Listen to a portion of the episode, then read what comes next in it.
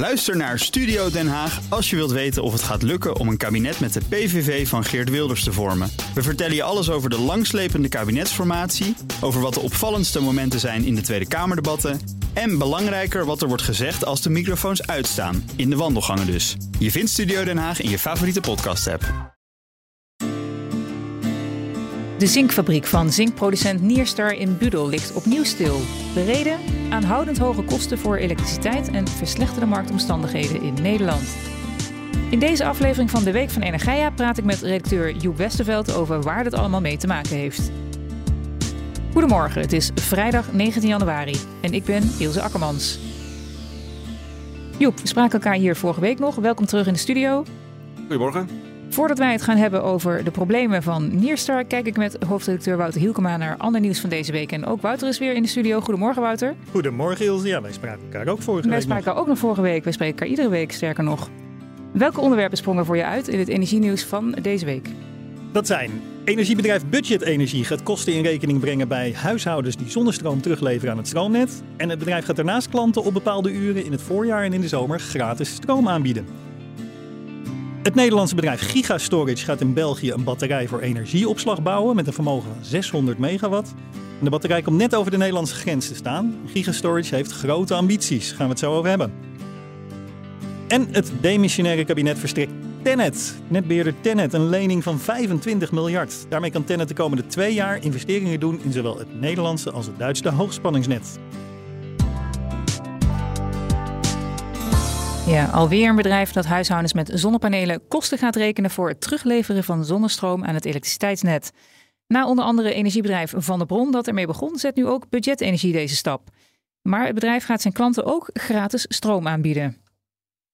Wouter, hoe zien die plannen van Budget Energie er meer precies uit? Ja, het komt erop neer dat vanaf 1 maart worden terugleverkosten voor klanten met zonnepanelen met een variabel contract gerekend. Dus alleen als je een variabel contract hebt bij Budget Energie, krijg je daar vanaf 1 maart mee te maken. Als je gewoon een langer lopend contract hebt tegen een vaste, vastgestelde prijs, dan merk je dat nog niet. Mm -hmm. Nieuwe klanten per 1 die, daar gaat het al per direct in. Dus als je nu nieuw klant wordt, maakt niet uit wat voor contract je krijgt bij Budget Energie, krijg je daar vanaf 1 maart mee te maken. En daarnaast gaan ze dus ook gratis stroom aanbieden.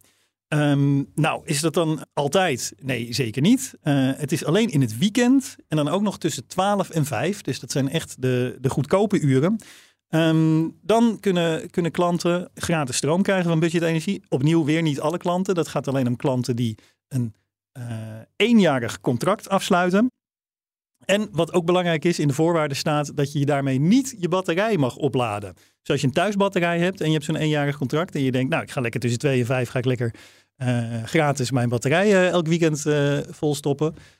dat mag niet. Um, hoe ze dat willen controleren is, is een tweede, denk ik. Maar in elk geval staat in de voorwaarden dat je dat niet mag doen. En die tijdstippen zijn niet toevallig gekozen?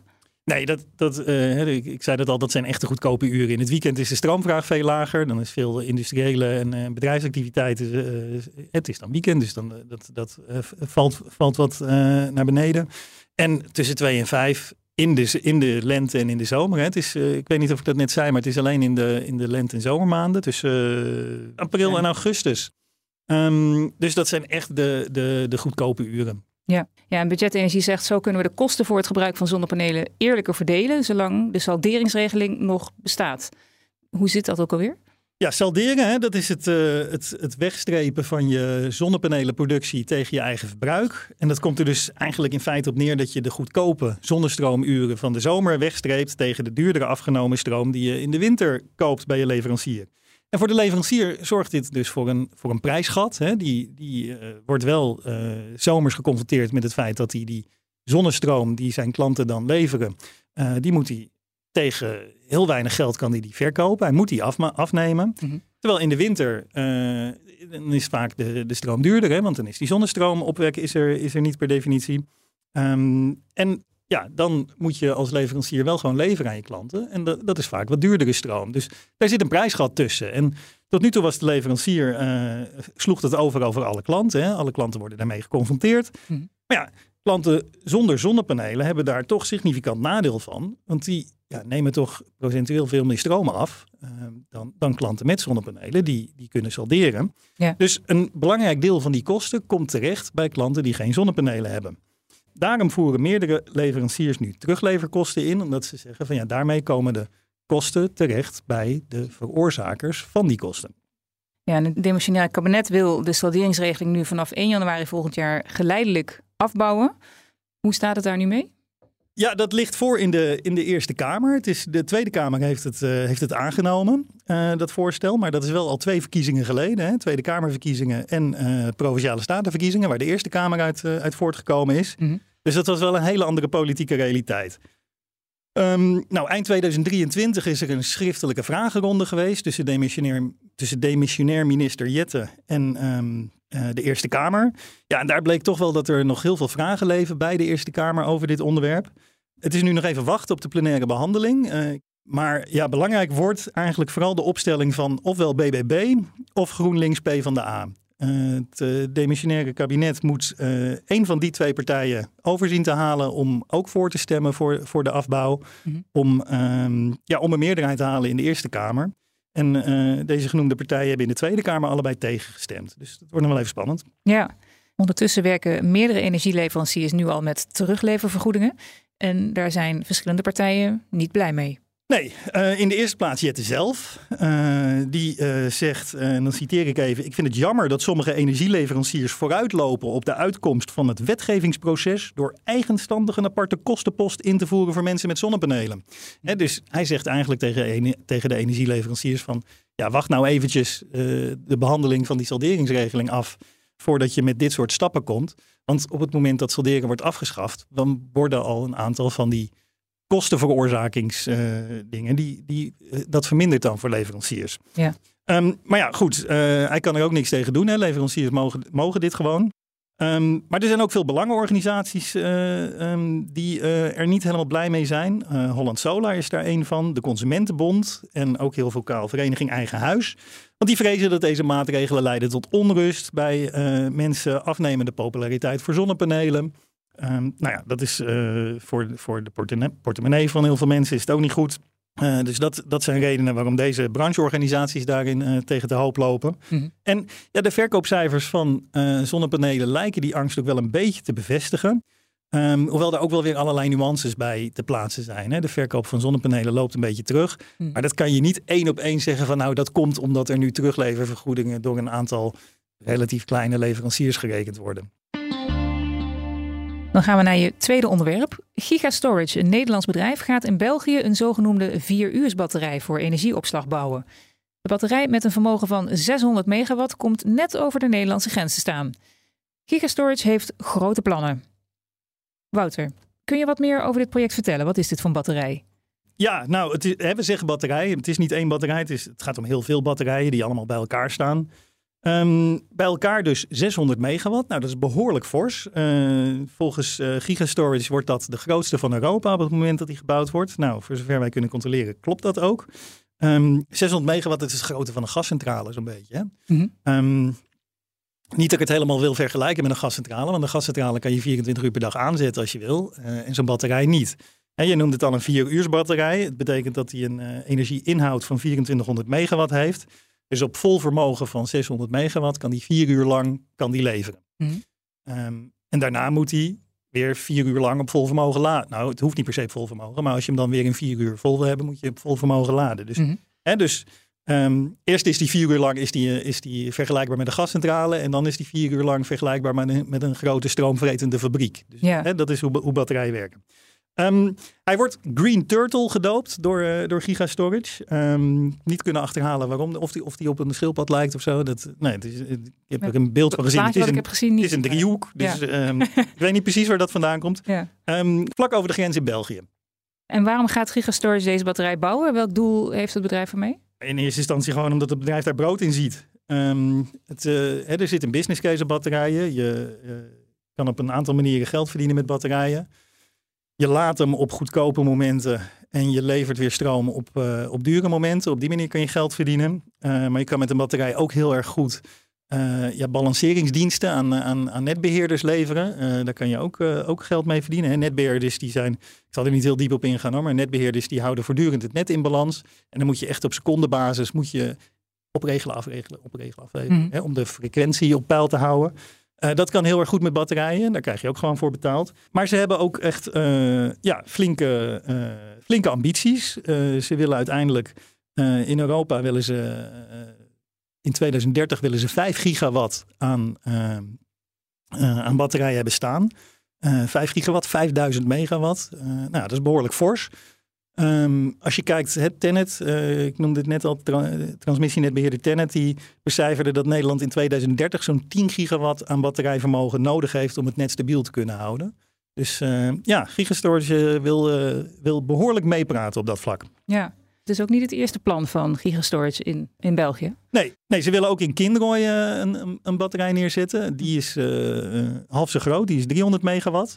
Um, maar ze hebben ook in Nederland hebben ze, hebben ze al batterijen hoor. Er zijn al een aantal gerealiseerd. Niet, niet deze orde van grootte. Uh, maar bijvoorbeeld in Delfzijl wordt ook een batterij uh, gepland die ook 300 megawatt is. Dus vergelijkbaar met wat in Kingroy gebeurt. Ja. Um, en er wordt door Gigastorage inmiddels ook serieus naar andere Europese landen gekeken. Um, Duitsland ligt daarbij voor de hand, uh, bevestigde CEO Ruud Nijs aan mij in een gesprek daarover. Dan gaan we naar je derde onderwerp. Netbeheerder Tennet krijgt van het demissionaire kabinet een lening van 25 miljard euro. En daarmee kan de netbeheerder de komende twee jaar investeringen doen in het Nederlandse en Duitse hoogspanningsnet. Wouter, ik las dat deze financiering nodig is omdat de verkoop van Tennet Duitsland vertraging oploopt. Waardoor komt dat? Ja, um, over die verkoop wordt onderhandeld. Uh, voor de luisteraar die dat even niet paraat heeft, uh, ergens vorig jaar, of ja, misschien wel in 2022 al, mm -hmm. kwam Duitsland met de wens om uh, Tennet Duitsland over te nemen. Hè. Tennet is de Nederlandse landelijke hoogspanningsnetbeheerder, maar ook in Duitsland hebben ze een, uh, een groot hoogspanningsnet. Niet mm heel Duitsland, maar een, een, belangrijk deel. Ze zijn een van de grote vier daar. En Duitsland wil om de eigen energietransitie wat beter in de hand te houden, wil Duitsland graag dat, uh, dat Tennet Duitsland deel overnemen. Nou, de Nederlandse staat is daar wel, heeft daar wel oren naar. Um, het ligt politiek namelijk. Er moet best wel veel geïnvesteerd worden in, in Tenet. Uh, het eigen vermogen moet, moet aangevuld worden enzovoort. En het ligt politiek gevoelig om Nederlands belastinggeld te gebruiken om Tenet Duitsland te versterken. Mhm. Dus om die reden wil de staat best uh, Tenet verkopen. Nou, Tenet zelf uh, was in eerste instantie een beetje huiverig van ja, die, wij, wij vinden het hartstikke nuttig om een grensoverschrijdende transmissienetbeheerder te zijn. Uh, laten we dat alsjeblieft behouden. Maar inmiddels uh, telt het bedrijf als een knopen en ziet dat dat gewoon dat de politieke realiteit anders is. Um, dus uh, ja, over die verkoop werd onderhandeld. Um, nou ja, iedereen houdt zijn lippen wel stijf op elkaar, maar het, het, lijkt erop dat het toch heel moeilijk is voor Nederland en Duitsland om tot een goede prijs te komen. Um, van de zomer werd het al door toenmalig eh, minister van Financiën Sigrid Kaag werd, eh, werd er eh, aan de Kamer meegedeeld dat er vertraging op de lijn zat. Dat nou ja, de onderhandelingen moeizaam gaan, vooral bij het bepalen van de prijs. Um, ja, en dat, dat werd nog eens erger toen dit najaar er een enorme begrotingscrisis in Duitsland uitbrak. Heeft te maken met de uitspraak van een, uh, van een constitutioneel hof. Hm. Ik zal daar verder niet al te diep op ingaan, maar het maakt dat de, dat de begroting van, uh, van, van Duitsland ja, een enorme uitdaging kent. En uh, ja, sindsdien lijkt de verkoop van Tenet Duitsland aan Duitsland ook een beetje een, speelbal van de politiek daar te zijn. Dus dat, uh, de ster is daar niet zo gunstig voor deze verkoop. Ja, vertraging betekent ook dat Nederland dan zou moeten wachten op, een over, op het overnamebedrag hè, van miljarden euro's. Als de verkoop al doorgaat dus. Ja, inderdaad. Uh, dat laatste is niet zo zeker. Hè? En uh, kwam, uh, vorige week kwam er een Kamerbrief van kerstvers minister van Financiën Steven van Weyenberg, hè, die de positie van Sigrid Kaag overneemt. hij was geloof ik vier uur minister toen hij deze, deze brief stuurde. Um, ja, en daar zei hij ook van ja, het is niet met zekerheid te zeggen dat, dat de overname ook daadwerkelijk um, tot een goed einde wordt gebracht. Wat zou er eigenlijk gebeuren met de opbrengst van de verkoop van Tenet Duitsland? Nou, dat verdwijnt niet in de staatskas, zoals je niet misschien zou verwachten. Maar dat, uh, dat komt ter goede aan Tennet Nederland. Uh, daar kan het eigen vermogen mee opgebouwd worden. Um, dat is weer belangrijk. Je moet een bepaald eigen vermogen hebben om voldoende op de markt te kunnen lenen. Um, om alle investeringen te doen. Want Tennet moet echt miljarden en miljarden investeren de, investeren de komende jaren. ehm, om die energietransitie tot een goed einde te brengen. Hè. Infrastructuur is daar een hele belangrijke voorwaarde voor. Mhm. Ehm, nou, nu de, en nu de verkoop vertraagd wordt, de verkoop van Tennet Duitsland vertraagd wordt, en dat geld dus niet zomaar voor het eigen vermogen beschikbaar komt, ehm, ja, kwam die creditrating, uh, zoals dat zo mooi heet, van Tennet in gevaar. En om die te behouden moet Tennet aantonen dat ze in de financieringsbehoeften van de komende twaalf maanden kunnen voorzien. Ja. Um, van, Bij van Wijnberg, uh, minister van Financiën, die, die vertelde vorige week in zijn brief dat hij verwacht dat Tennet uh, in 2024 13 miljard moet gaan investeren. En in 2025 nog een keer 12 miljard. Dat is dus zowel Nederland, Tennet Nederland als Tennet Duitsland. Mm ja, en nou ja, om, om dat te kunnen doen, uh, moet je om je creditrating te behouden, moet, je, moet Tennet in elk geval laten zien dat ze die 13 miljard hebben en ook al een deel van die 12 miljard. Ja. Nou, door nu een lening te geven van 25 miljard, voldoet Tennet in één klap aan, aan de eis. Hè. De, het is nu tot en met eind 2025 duidelijk voor, uh, voor de markt dat Tennet in zijn financieringsbehoeften kan voorzien. En dat is dan weer belangrijk voor die credit rating, die kan behouden blijven. En dat is dan weer belangrijk om ook in de toekomst goedkoop geld te kunnen lenen. Dankjewel, Wouter. Zinkproducent Nierstar heeft zijn fabriek in Budel opnieuw stilgelegd. Als reden geeft het bedrijf de aanhoudend hoge kosten voor elektriciteit en verslechterde marktomstandigheden in Nederland. Over waar dat allemaal mee te maken heeft, praat ik met redacteur Joep Westerveld. Joep, Nierstar is een bedrijf waarmee het eigenlijk heel goed gaat. Hè? En toch loopt het nu tegen problemen aan, waardoor het zich voor de tweede keer in relatief korte tijd genoodzaakt ziet zijn fabriek stil te leggen. Nierstar is na Korea Zink de grootste zinkproducent ter wereld, begrijp ik. Hè? Kun je mij en de luisteraar nog eens vertellen wat voor een bedrijf Nierstar ook alweer is, zodat duidelijk is waar we het over hebben? Ze hebben dus een vestiging in Budel, Brabant. Dat is ook het hoofdkantoor. Daar produceren ze zink. Ze proberen, produceren ook op andere plekken lood en nog wat andere uh, metalen. Ja, dus dat is een onderdeel van um, uh, Trafigura. Dat is een van de grootste grondstoffenhandelaren van de wereld. En uh, Nierstar heeft ook vestigingen in Amerika, ook in Australië en een paar in, in Europa, waaronder dus Budel. Mm ze, ze, werken met 100% elektriciteit, dus ze gebruiken geen gas. Ze kunnen inderdaad de productie al flexibel op- en afschalen.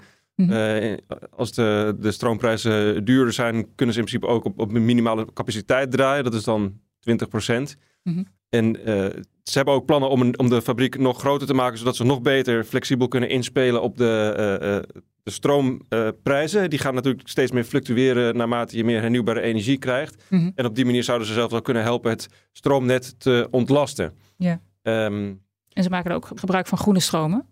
Ja, het is ook, uh, ze draaien op 100% groene elektriciteit, klopt. Een van de redenen die het bedrijf nu geeft voor het uh, op care en maintenance, zoals ze zeggen, of dus de uitstand zetten van de fabriek, zijn de aanhoudend hoge kosten voor elektriciteit. Maar de stroomprijzen zijn niet meer zo hoog als ze waren. Waardoor ontstaan nou de problemen bij Niester? Nou ja, kijk, de, stroom, de, de prijzen voor elektriciteit die zij betalen zijn nog steeds drie keer zo hoog als voor de energiecrisis. Mm -hmm. dus, dus we zitten nog, nog lang niet op het uh, oude niveau en dat, dat gaat waarschijnlijk ook niet meer komen zij kijken gewoon naar de. Niet alleen naar de, de stroomprijs nu op dit moment, maar ze maken gewoon een analyse van de verwachting voor de komende periode. En ze zien dat het gewoon aanhoudend redelijk hoge prijzen zijn. Mm. En daar komt dus bij dat de marktomstandigheden, zoals zij het noemen, uh, ongunstig zijn, met name in Nederland. Waardoor uh, de productie nu tijdelijk uh, gewoon even niet uit kan. En dat is dus opvallend, want in, ze hebben ook fabrieken in België, in Frankrijk en Duitsland. En daar blijven ze nog wel doorproduceren. Terwijl daar de elektriciteitsprijzen natuurlijk ook ja, vergelijkbaar zijn als in Nederland. Mm -hmm. uh, maar daar zijn blijkbaar wel bepaalde uh, subsidieregelingen of compensatieregelingen in stand gebleven, waardoor het daar net wel uit kan. De overheid in Nederland heeft die regelingen juist afgeschaft, die in andere landen nog wel gelden. Dus welke regelingen zijn dat? Ja, het gaat eigenlijk vooral om twee regel regelingen. Um, de indirecte kostencompensatie, die is er eigenlijk al wat langer uh, vanaf.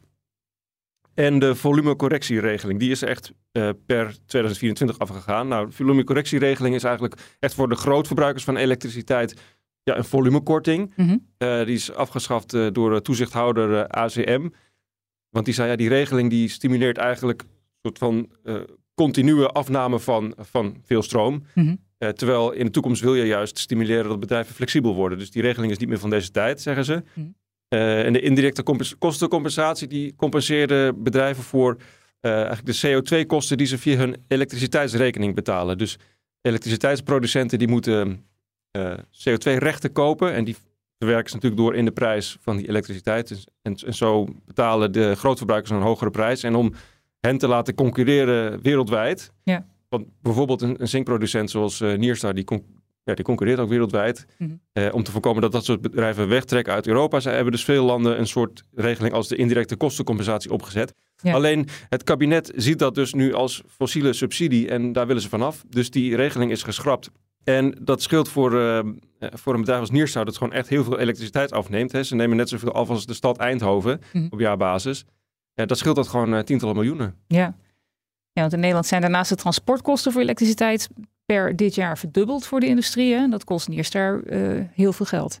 Klopt, ja. ja dus eh, ehm, over het algemeen genomen zijn ze verdubbeld. Eh, In het afgelopen jaar haalde Tennet 1,3 miljard aan transportkosten op. Dit jaar wordt dat waarschijnlijk 2,6 miljard. Maar voor eh, Nierstar is, is, is de verhoging nog veel groter. Het bedrijf heeft ondertussen nog altijd plannen voor uitbreiding van de fabriek in Budel. En dat is opvallend, want aan de ene kant sluiten ze dus hun fabriek, of leggen ze hem stil, tijdelijk. Hè? En aan de andere kant maken ze plannen voor uitbreiding. Hoe zit dat? Ja, klopt. Nou ja, Guido Jansen, dat is de CEO. Die eh, heb ik een tijdje geleden al eens horen zeggen dat de komende drie jaar echt wel lastig gaan worden voor het bedrijf. En, maar dat hij op lange termijn op zich wel een toekomst eh, ziet. Mhm. Kijk, nu zit je dus in een situatie waarin, dat, dat, dat geldt eigenlijk voor heel Europa, dat de eh, elektriciteitskosten, energiekosten vrij hoog zijn. Maar op de langere termijn, als, als er zeg maar overvloedig hernieuwbare eh, elektriciteit beschikbaar komt, dan zouden de prijzen ook weer meer concurrerend kunnen worden met andere delen van de wereld. En dan, zeker als je daar als, als industrie goed op inspeelt, dan heb je misschien wel een, een voordeel zelfs. Mhm. Maar goed, er zit dus wel een, een, tijd tussen die je wel even moet kunnen overbruggen. Eh, ja, dat, dat blijkt dus nu eh, lastig te zijn. Maar inderdaad, die, de plannen zijn er nog steeds. Ik, ik, noemde net al, de, de- het idee is ook dat je daarmee met zo'n grotere fabriek nog beter flexibel kan opereren en dus nog beter ook kan inspelen op veranderende stroomprijzen. Mhm. Ehm, maar goed, ze zeiden daar toen ook al wel bij van het, het is geen, eh, het is geen zekerheid dat we dit, deze investering gaan doen. Dit hangt ook echt af van eh, het investeringsklimaat in Nederland. En, en daarbij Mhm. verwezen ze eigenlijk naar diezelfde regelingen waar we het net al over hebben gehad en dezelfde transportkosten. Ja. Ja, Nierstar is niet het eerste bedrijf dat zijn fabriek heeft stilgelegd. Hè. In 2022 ging aluminiumproducent Aldel zelfs failliet door hoge gas- en stroomprijzen. Is dat een situatie eh, die vergelijkbaar is met die van Nierstar? Nou, Aldel had wel al wat langer moeilijkheden. Die, ook, die waren al twee keer eerder failliet gegaan. Eigenlijk ook al voor de, voordat de energiecrisis losbarstte. Die hebben twee keer een doorstart gemaakt. En, en de derde keer is het ze niet gelukt om een doorstart eh, te maken. Dus Mhm. wat dat betreft is de situatie een beetje anders. Maar het, wat wel vergelijkbaar is dat... Kijk, of je nu aluminium produceert of zink... Je hebt, voor beide heb je gewoon heel veel elektriciteit nodig. En dat betekent dat je als bedrijf gewoon zo gevoelig bent voor eh, schommelingen in, in prijs. Mhm. Dus, dus in die zin zit er ook wel weer een vergelijking in, ja. Ja. ja. De zware industrie in Nederland wordt hard geraakt door de hoge energieprijzen en oplopende kosten. En er zijn ook zorgen over de toekomst van de sector. Hoe staan andere industriële bedrijven ervoor? Kijk, ik, ik, ik, merk bijvoorbeeld wel dat eh, eh, je hebt de, de FEMW, hè, die, die vertegenwoordigt de grootverbruikers. Ja, die maken zich echt ja, ernstige zorgen eigenlijk wel. Ze wijzen er ook op, kijk, als je wil verduurzamen, betekent dat vaak dat je van gas afgaat en naar elektriciteit toe gaat. En, en als dan de kosten voor elektriciteit veel hoger worden, dat, ja, dat helpt, gewoon, helpt gewoon niet mee. En dat speelt in meerdere bedrijfstakken. En nou ja, goed, nou zijn zij de, de branchevereniging voor de grootverbruikers. Dan kan je zeggen van het zijn, zijn taak om zich ernstige zorgen te maken. Maar er was bijvoorbeeld afgelopen woensdag in de Kamer een hoorzitting. Daar zat eh, eh, eh, Maarten Abbehuis, operationeel directeur van eh Tennet. Mhm. En ja, die, die had eigenlijk ook wel een beetje een vergelijkbaar verhaal. Die, die, die zei ook van.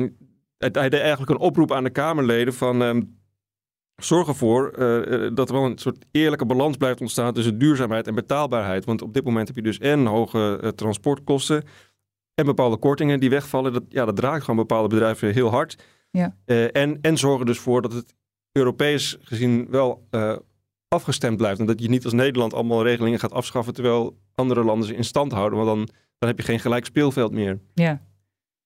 Ja, en Nierstar heeft nu zijn fabriek in, de, in Budel dus tijdelijk stilgelegd. Wat is het bedrijf nu van plan? Waar hangt het vanaf of het zijn fabriek en wanneer het zijn fabriek weer opstart? Ja, dat, dat heb ik ze gevraagd.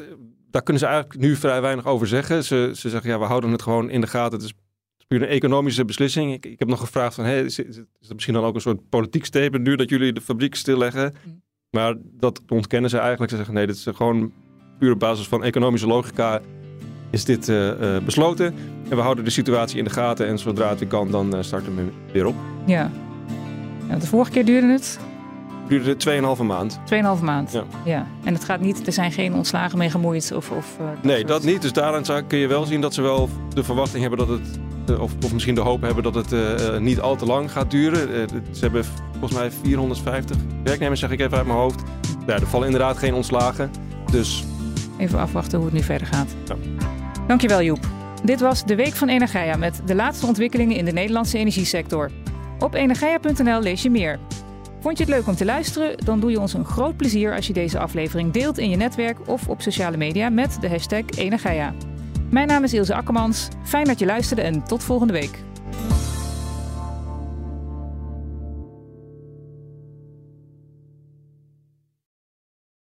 Ook Bas van Werven vind je in de BNR-app. Ja, je kunt live naar mij en Iwan luisteren tijdens de ochtendspits. Je krijgt een melding van Breaking News. En niet alleen onze podcast Ochtendnieuws, maar alle BNR-podcasts vind je in de app. Download nu de gratis BNR-app en blijf scherp.